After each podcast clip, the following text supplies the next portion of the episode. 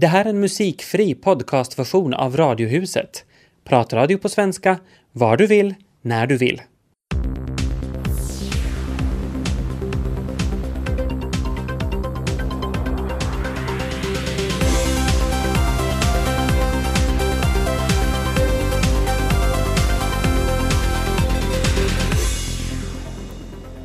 Nu hävdar de svenska socialdemokraterna att förra ledaren Håkan Juholt behandlades illa av pressen för att han är en lantis. Kan det stämma?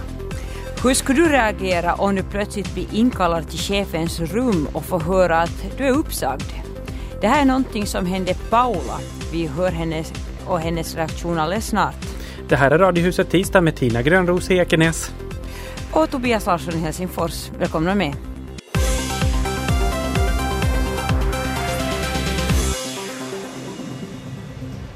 Har jag liksom hunnit eh, förstå det ännu heller. För det är för tidigt. Jag, jag, jag vill inte förstå det. Det är jättesvårt det här. Paula kom till Finland från Sverige för cirka 11 år sedan. Nästan lika länge har hon jobbat på en fabrik i Ingo. För en tid sedan blev hon uppsagd. Den produktion och de maskiner som Paula jobbat mest med flyttas ironiskt nog till Sverige. Ungefär två veckor innan visste vi att det var på kommandes att folk skulle få sluta från fabriken. Nå, det blir ju just innan jul. Men då sa de förstås inga namn. Nej, de gjorde inte det för de ville att vi skulle ha en riktigt god jul utan att vi skulle veta om vem som skulle fara. Och Visste de då redan vilka personer som var berörda? det, sa de, det nämnde de ingenting om. Men troligtvis så hade de det nog klart redan då. Har det gått dåligt för, för den här mm, fabriken, för den här industrin? Nå, av och till har det varit, det har varit upp och ner hela tiden. Men nu senaste tiden, nu innan jul, så kom det in ganska mycket beställningar så vi vet inte hur de förklarar det här nu. För sen försvann ju de här maskinerna över till Sverige. Så det som egentligen skulle utföras här i, i Ja. Ingo, Mm. så nu den produktionen förflyttad till Sverige. Mm. Och är det därför som du nu är så att säga överlopps? Ja. Hur har det varit att jobba där i tio års tid? Det har varit jätteunderbart. Jag trivs jättebra med de arbetskompisarna som jag har där, eller hade. De har varit jättetrevliga och jättesnälla och hjälpt åt. Det har varit helt underbart där. Hur tycker du själv att du har klarat av ditt jobb då? Nu, nu har jag ju klarat massa olika moment där och jag har varit med bland karlarna på de tyngre arbetena och det så jag menar, ja, hur ska man säga? Du tycker att du av det bra? Jo, kul. När ni fick besked då strax innan jul att det här är på gång. Mm. Hur gick julen för dig? Ja, det var nog inte så lätt det. Man låg och tänkte och man funderar på vem är det och vad händer och hur många blir det? Och, för de visste inte riktigt från första början hur många. Det var ju prat om mera men... Och inte kunde man koncentrera sig alls på någonting annat. Man bara... Det var ju bakhuvudet hela tiden. Och ville ju veta så fort som möjligt. Och sen dagen D, det vill säga för några dagar sedan, Mm. när du fick besked som... Hur, hur lät det? Jag menar, vad sades? Nå, jag blev ju så ställd så jag bara kom in där. Eller ja, han kom och sökte mig och sen så gick jag in där i rummet. Din chef då eller? Eh, ja, den där högre. Så bad han mig komma in. och jag visste inte, jag, jag, det slog blackout för mig. Jag lyssnade inte alls. Och så fick jag bara pappret i handen och så gick jag ut därifrån. Hur snabbt var det mötet över? Ja, det var bara på någon minut det. För jag, han sa någonting där och jag tog bara pappret sen och så får jag ut därifrån och sen får jag och tömde skåpet. Sen får jag bara hem. De andra har ju varit där längre än jag. En del av dem i alla fall. Det brukar ju vara först... Sist in, först Ja, ut. Men så, det, det var det inte där. Där plockar de bara. Hur som helst. Min chef över oss också, han hade också blivit helt, helt förstörd. Och så var det en till där som sa också till mig att hon förstår inte heller.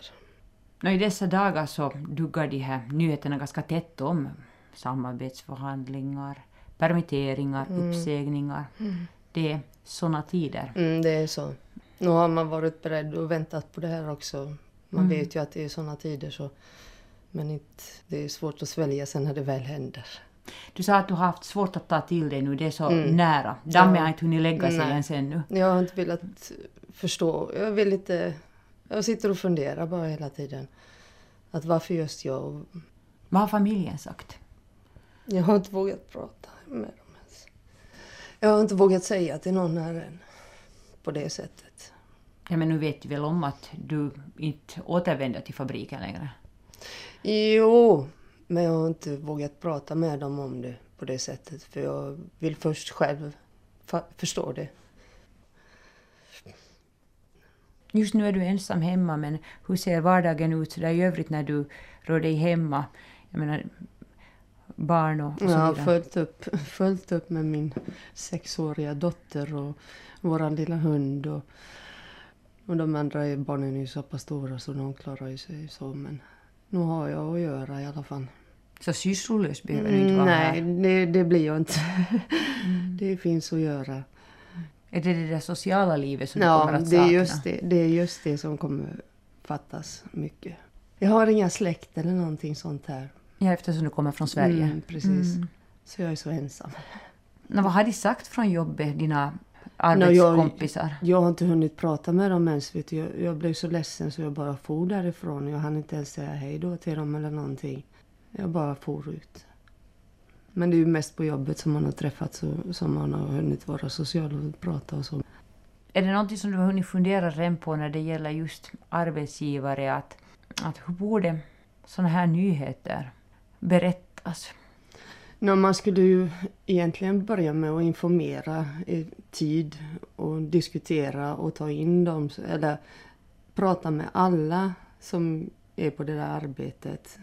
Istället för att det bara går rykten hela tiden. Och det har varit så svårt. Den ena säger en sak och den andra en sak. Och de borde liksom ta, ta och diskutera med alla. Helst de som det berör, för det första. För det gjorde de inte nu.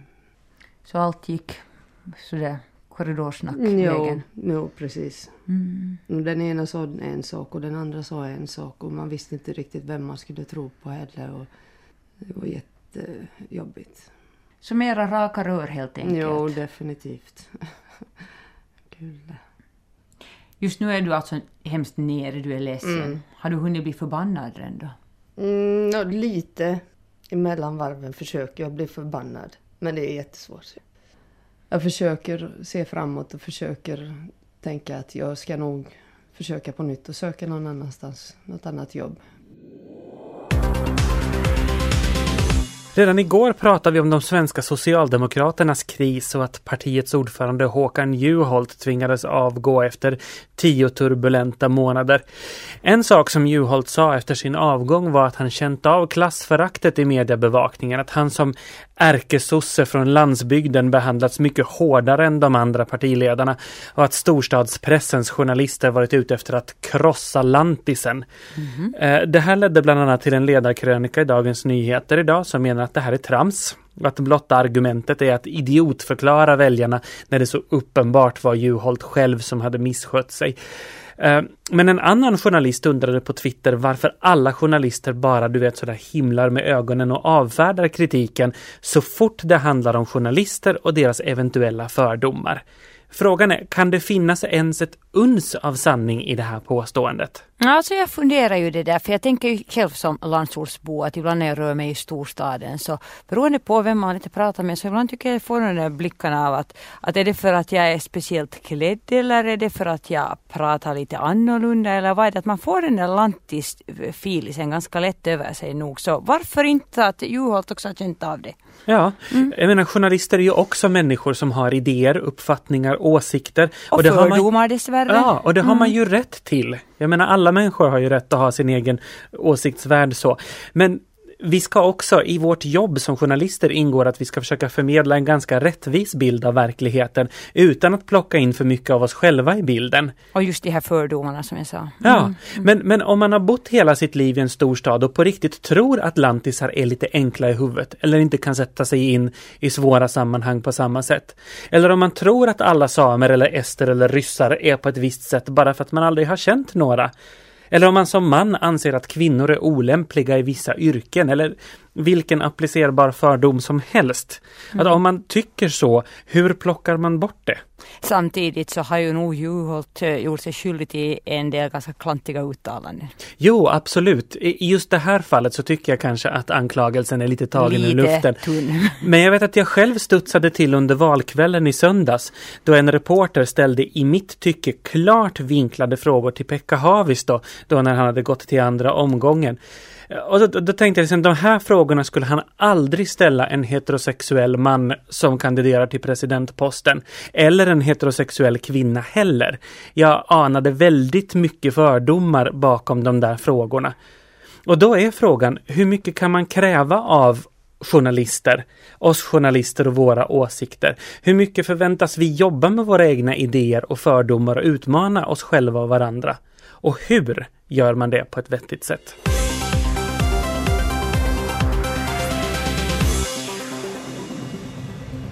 Ibland gör vi saker som vi inte skulle vilja. Men det är som om hjärnan skulle ha programmerat in sig på ett visst beteende som vi sen slaviskt följer. Men vi kan faktiskt programmera om oss och ställa om kropp och sinne så att vi istället agerar så som vi önskar oss. Metoden kallas mental träning och det är något som elitidrottare använt sig av länge men som man också kan använda sig av i vardagen. Kikki Häggblom i Vasa, som bland annat håller föreläsningar i mental rådgivning, förklarar närmare. Det handlar egentligen bara om sätt att förhålla sig till sin egen reaktion, kanske till sina egna tankar, till sitt eget beteende. Och i grund och botten är det liksom vad kan jag göra för att nå längre i min personliga utveckling? Det är egentligen det det handlar om. Nå, hur kan man nå längre i sin personliga utveckling? No, för det första så tror jag att, att man behöver kanske bli medveten om att, att man vill nå någonstans. Det är ju liksom det första steget. Och sen som med all utveckling så behöver man bestämma sig vart man är på väg. Och, och man behöver liksom gå igenom det här, var är jag nu och vart är jag på väg? Om, om inte du analyserar var, var står jag nu i olika delar av mitt liv, i olika beståndsdelar, i det som är din person. Och, och, och, du inte bestämmer dig vart du är på väg. Så då når du ingenstans. Du måste ha målet klart för dig. För mig så är, är liksom grunden till allting att vi, vi har ju ett beteende. Alla vi människor har ett beteende som vi ganska långt har automatiserat och, det mesta vi gör sker nästan per automatik. Och mental träning handlar egentligen om att bli medveten om den här automatiken och kanske omprogrammera tankar till exempel. Man kan bara ändra sig själv. Det finns, du, kan, du har ingen makt över den andra.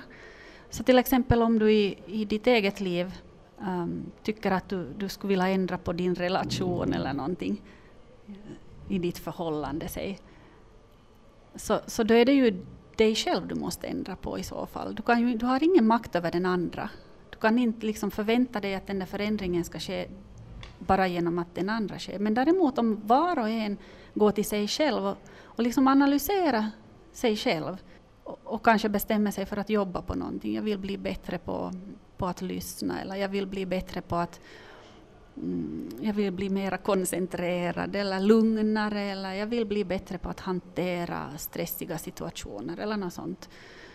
Så då är det ju dig själv du behöver gå till och du behöver liksom titta på många olika bitar i dig själv och, och, och kanske komma fram till att, att ja, det, jag beter mig på det här sättet därför att och så, så är det någonting där som du kanske behöver jobba med. Att, att ett bra tankesätt, åtminstone för mig har ett tankesätt fungerat att det finns ett behov bakom varje beteende. Att, att det där, den tanken, bara genom att ha den tanken med sig hela tiden, så kan man hantera vissa situationer eller alla situationer. Då.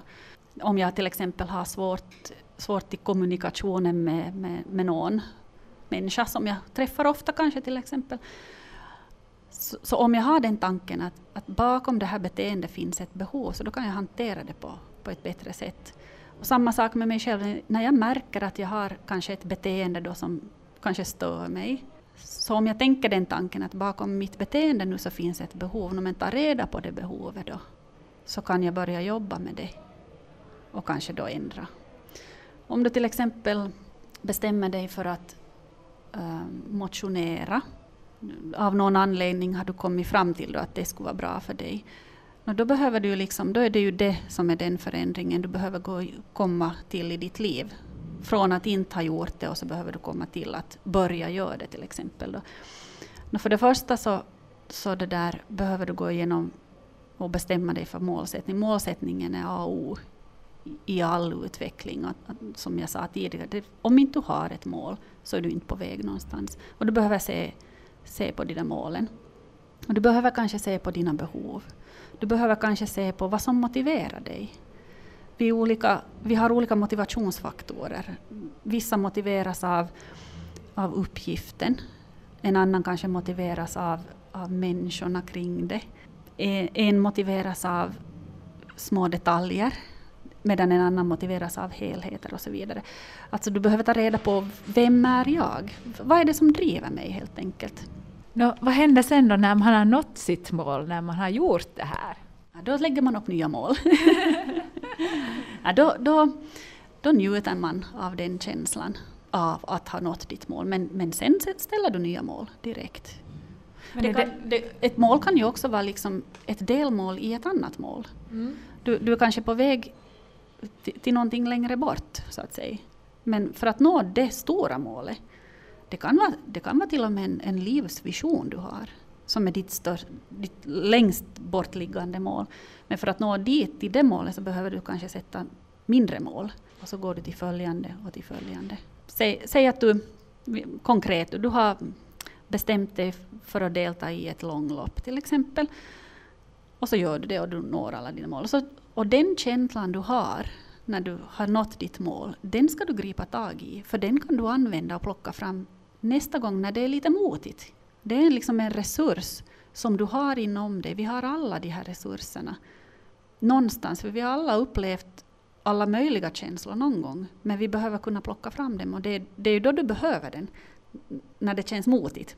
Så då kan du liksom kanalisera den här känslan och plocka fram den sen.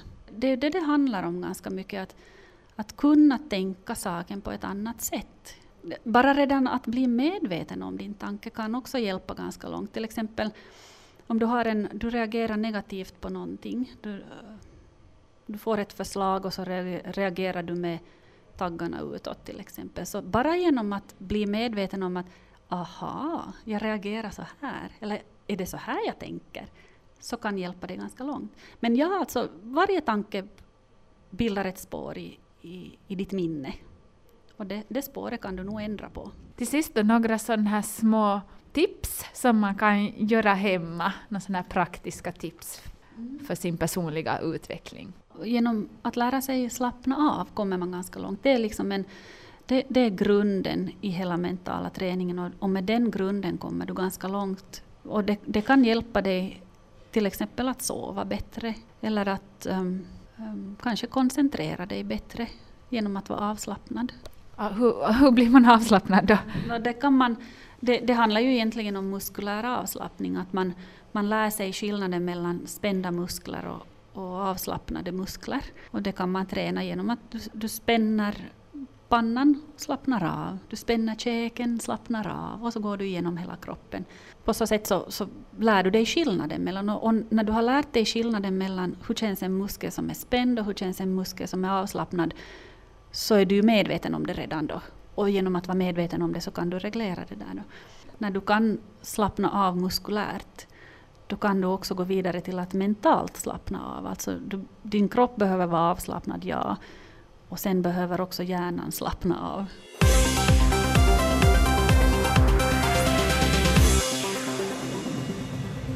Visste du Tobias att fler sjukskriver sig när det är lugnt på jobbet? Det låter inte speciellt logiskt tänker jag. Jag tänker att folk borde sjukskriva sig mer när det är stressigt på jobbet. Mm, men ser du, nu är det så att det inte alls stressen i jobbet som får sjukanmälningarna att skjuta i höjden utan det är helt enkelt när det är lugnare än normalt som de anställda ringer till jobbet och sjukanmäler sig. Visar i alla fall en forskning som är utförd av, uh, i Sverige.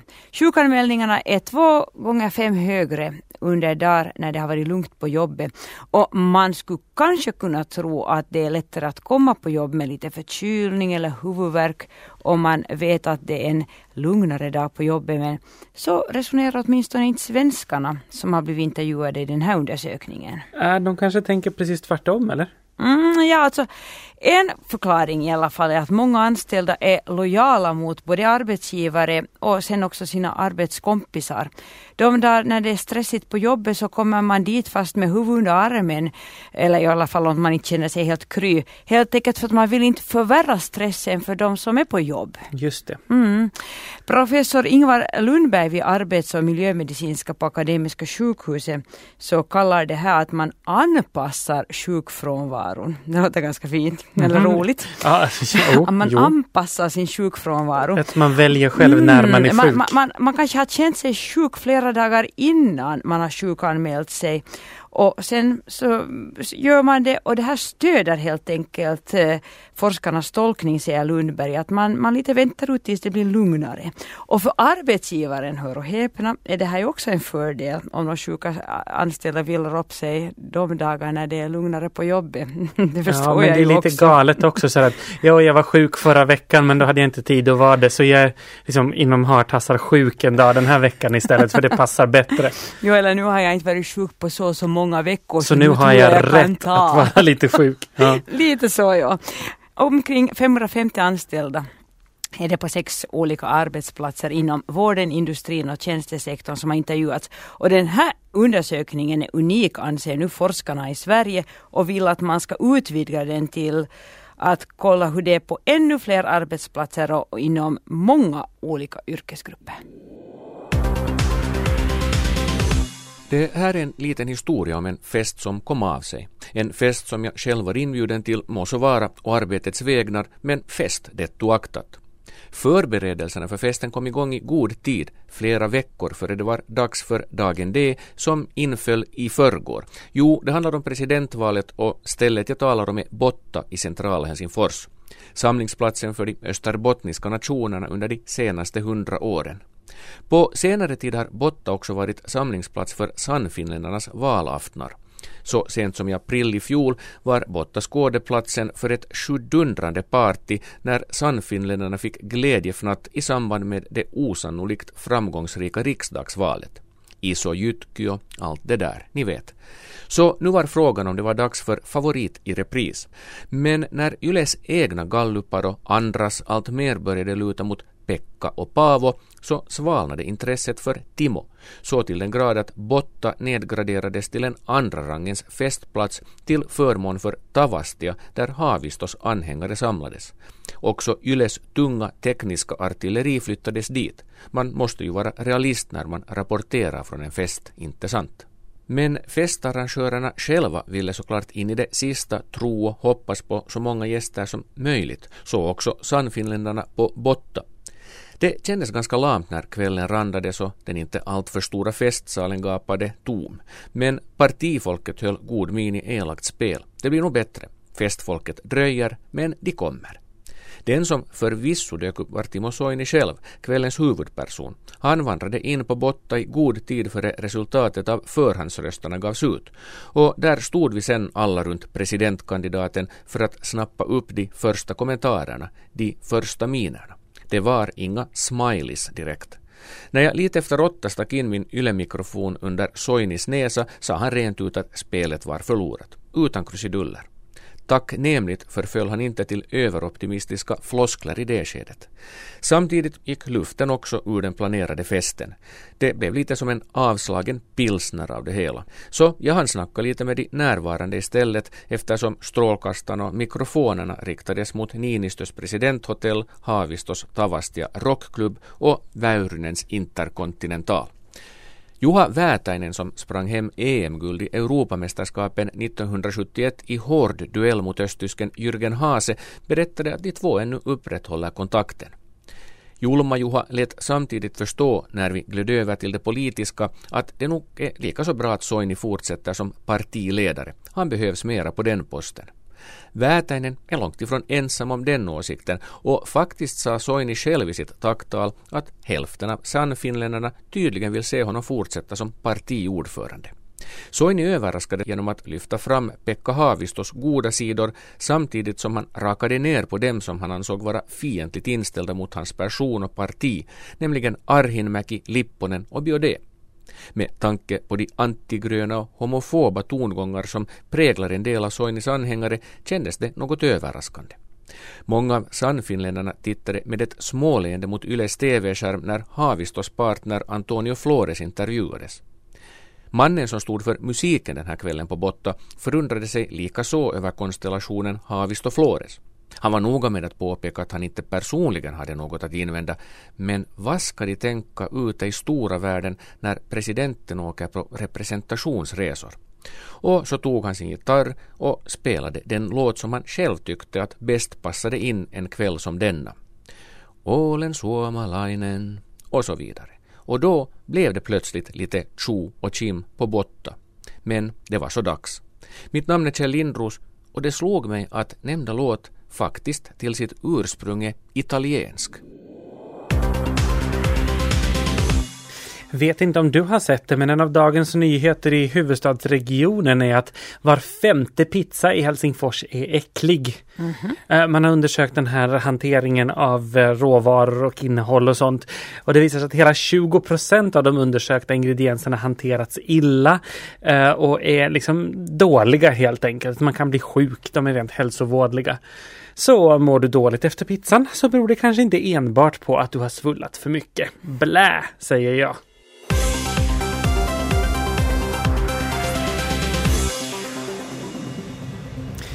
I en folkomröstning i söndags röstade Kroatiens folk för att landet ska gå med i EU. 70 procent av de röstande svarade ja, men valdeltagandet uppgick bara till drygt 40 procent. Jag ringde upp Teija Tiilikainen på Utrikespolitiska institutet och frågade vad ett land som Kroatien egentligen har att vinna på att gå med i EU. Ett litet land eh, som Kroatien har mycket att vinna, både ekonomiskt och politiskt. Det är ju för det första ekonomiskt mycket fördelaktigt för ett litet land att komma med i, i EUs inre marknad. Och eh, alltså det, EU är ju en mycket större enhet och kan ha, ha bättre liksom konkurrens, konkurrensmöjligheter på de internationella marknaderna globalt och, och, och Kroatien har mycket att vinna på det viset. Men också politiskt, det finns ju eh, fortfarande rätt så stora utmaningar på Balkan eh, beträffande eh, förhållandena mellan, mellan staterna och, de olika politiska grupperingarna inom staterna. Så det är också en, en, betydande stabilitetsfaktor, ökar liksom säkerheten och, och tryggheten för, för människorna och, och också det civila samhället i Kroatien. För lite drygt 20 år sedan var Kroatien fortfarande del av enpartistaten Jugoslavien. Vad kan EU-medlemskap innebära för deras demokratiska utveckling? Det har varit ett villkor innan Kroatien har kunnat slutföra medlemskapsförhandlingarna att Kroatien har, har måste lova sätta det demokratiska maskineriet i funktion, det vill säga det har lovat garantera att att det här mångparti, ett, ett, ett mång, en mångpartidemokrati fungerar och eh, också, också det där eh, ett rättsstatssystem eh, fungerar i Kroatien. Det finns eh, luckor fortfarande, utmaningar på den fronten men att framtiden är bättre för att EU kommer att, att, att övervaka att, att, att så också sker. När träder Kroatiens medlemskap i kraft? Det beror nu på, för att Kroatien har har röstat för det, det vill säga medborgarna där. Så nu är bollen eh, hos de övriga medlemsländerna och så fort de hinner godkänna eh, medlemskapet det finns vissa andra eh, små saker som man måste göra som att man måste översätta det, de grundläggande dokumenten till Kroatien blir ett officiellt språk i EU och så här men att förväntningarna är sådana att det kunde ske nästa år, det vill säga 2013 så kunde Kroatien bli bli ett, ett nytt medlemsland. Ja-sidan vann en tydlig seger men valdeltagandet var lågt. Hur populärt är medlemskapet bland kroaterna? Eh, jag har fått den bilden nog att, att medlemskapet är, är populärt. Det är ofta så att, att folk upplever att, att det är inte så lätt att, ja de är nog för men att, att detaljerna är, är så komplicerade och, och, och, det där, det är kanske det att det är trots allt så många tycker att det är lite obekant och det finns mycket som man inte, inte förstår så det, det intresserar inte så mycket men att eh, de som eh, de politiska kretsarna är ju till stor del för, för medlemskapet och, och också det här även, eh, trots att valdeltagandet var, var lågt så, så visar ju det här det resultatet av de som har, har röstat så rätt så tydligt så att det borde inte finnas några några svårigheter längre. I en tid då EUs finanser krånglar så kan det ju vara förvånande att nya länder överhuvudtaget vill gå med i EU. Eh, hur stor är risken att något av de nuvarande medlemsländerna ska sparka bakut och tacka nej till Kroatien? Det borde inte vara, vara sannolikt att, att så sker. Eh, EU är ju är i en turbulent situation men det är ju först och främst den gemensamma valutan och valutaunionen som nu diskuteras. Eh, jag tycker att det här att, att, att kroaterna nu ansluter sig ett ytterligare tecken på det att, att inte hela EU står i kris och att de grundläggande målsättningarna och värden som som fungerar som utgångspunkt för den europeiska integrationsprocessen fortfarande respekteras och njuter liksom stor respekt bland europeiska länder. Det, turbulensen ansluter sig till till, till den, gemensamma valutan. Tills vidare så är Kroatien ju ganska det behövs många år innan process, en lång process innan Kroatien är färdig att ansluta sig till valutaunionen. Det är inte bara Kroatien som vill ansluta sig till EU nu. Det ligger fler länder på väntelistan. Vilka länder är det som närmast kan tänkas komma med i den Europeiska unionen? Det är länder som länder från Balkan, Makedonien, är ju, eh, har varit i kön länge och, och det där lider av ett, ett, ett annat problem som, som har med dess namn att göra. Sen är, är det ju fråga om Serbien i något skede och, och till och med Kosovo. Men att det behövs ännu lite tid. Island är sen ett fall som skulle annars kunna vara färdig, färdigt att ansluta sig men att där har vi också vi har den kritiska medborgaropinionen eller tudelade medborgaropinionen så att vi får se hur det går med, med, med Island.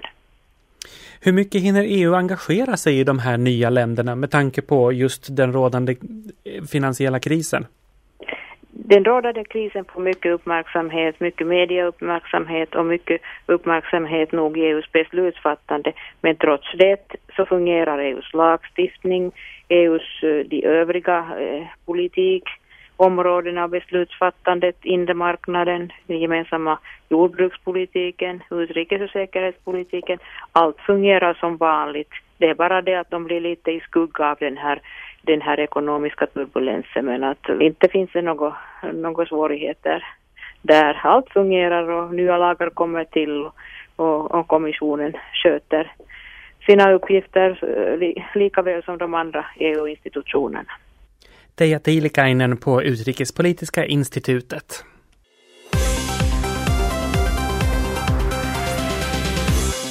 Det här var en musikfri podcastversion av Radiohuset som sänds i Radio Vega måndag till torsdag. Mer information om programmet hittar ni på svenska.yle.fi radiohuset.